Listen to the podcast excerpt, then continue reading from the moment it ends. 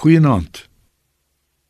Ons het vanoggend gehoor dat die begrip ewige lewe te maak het met beide die lewe hierna, maar ook die lewe hier en nou.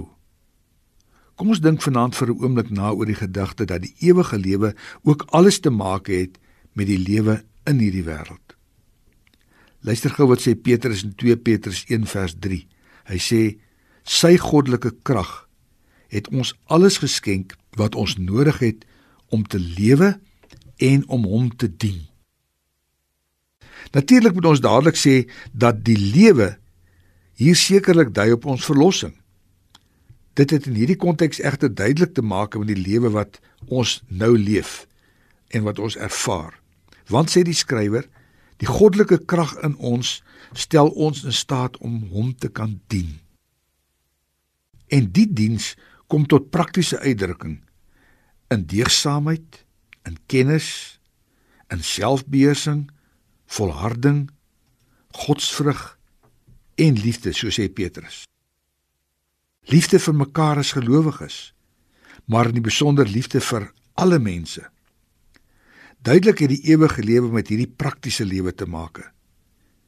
Ek dink die woordjie ewige lewe beskryf op 'n wonderlike manier hoe hierdie lewe van die gelowige daar moet uitsien. Dit moet iets van die ewigheid wat die kind van God reeds is en ervaar demonstreer. Iets van dit wat in die lewe hierna kan vertoon en wat kan sigbaar word in my lewe. Iets van God self, sê Petrus in vers 3, naamlik sy goddelike krag word in my sigbaar in die lewe hier en nou. Op 'n ander plek in Efesiërs 1 vers 19 sê Paulus iets soortgelyks. Hy bid dat die krag van God sigbaar moet word in die lewe van die gelowige. Dit is duidelik dat die lewe van die gelowige nie maar net tyd is wat moet verbygaan nie. Lewe is altyd tyd in aksie. Lewe moet vervullend wees vir onsself en vir ander.